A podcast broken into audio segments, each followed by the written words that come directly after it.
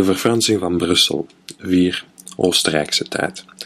Het Nederlands lijdt onder de neergang van de noordelijke Nederlanden, terwijl het Frans volop bloeit. Na het uitsterven van de Spaanse tak van de Habsburgers gingen bij de Vrede van Utrecht van 1713 de zuidelijke Nederlanden over in Oostenrijkse handen.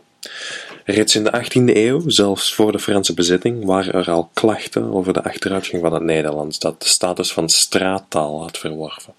Hiervoor waren meerdere oorzaken: het repressiebeleid van de Spanjaarden na de splitsing der Nederlanden en de daaropvolgende massale exodus van de intellectuele elite naar het noorden liet het huidige Vlaanderen achter zonder zijn maatschappelijke bovenlaag. Na de Gouden Eeuw, 17e eeuw, boerden de noordelijke Nederlanden op politiek, cultureel en economisch vlak dan zelf achteruit, wat het aanzien van het Nederlands nog verder schade. Ondertussen kreeg de Franse cultuur een steeds grotere wereldwijde uitstraling. De Koninklijke Muntschouwburg bijvoorbeeld bracht 95% van alle opvoeringen in het Frans. Tijdens de Oostenrijkse Successieoorlog werd Brussel van 1745 tot 1749 kortstondig door de Fransen bezet. Deze omstandigheden droegen ertoe bij dat vooral na 1780 Frans de taal werd van de bourgeoisie, later minachtend bejegend met de spotnaam Frans Quillions. Bovendien ging de grote bevolkingsgroei tijdens de 18e eeuw gepaard met een verarming van de bevolking, waardoor de volkstaal nog verder gestigmatiseerd raakte. In Brussel verdubbelde het aantal armen tussen 1755 en 1784 tot 15% van de stadsbevolking. De zeer kleine Franstalige minderheid daarentegen was welgesteld en vormde de maatschappelijke bovenlaag. Het percentage van de bevolking dat zich in het openbare leven bij voorkeur in het Frans uitdrukte, bedroeg in 1760 slechts tussen 5 tot 10 procent en lag in 1780 waarschijnlijk rond de 15 procent.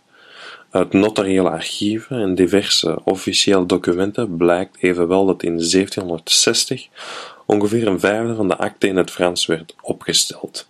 Twintig jaar later was dit ongeveer een kwart, maar ongeveer de helft van de Franstalige akten was afkomstig van de maatschappelijke bovenlaag, die nog geen tiende van de bevolking uitmaakte. De ambachtslieden en de kleinhandelaars stelden hun akten in 1760 slechts voor 3,6% op in het Frans. In 1780 was dit gestegen tot 12,8%. Maar in de privésfeer was Nederlands nog veruit de meest gebruikte taal.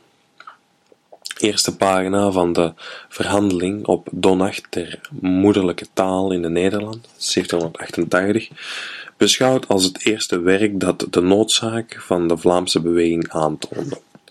Jan Baptist Verlooy, die in Brussel woonde, schreef in 1788 zijn verhandeling op Donnacht ter moederlijke taal in de Nederlanden, waarin hij het percentage van de mensen met Nederlands als moedertaal in Brussel stad nog op 95% schatte.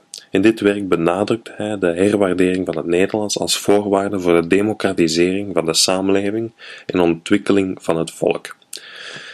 Tijdens de Brabantse omwenteling 1789-1790 eh, verspreidde het stadsbestuur een aantal voorschriften ter ordehandhaving in beide talen, maar dit kwam ook wegens de toestroom van Waalse revolutionairen.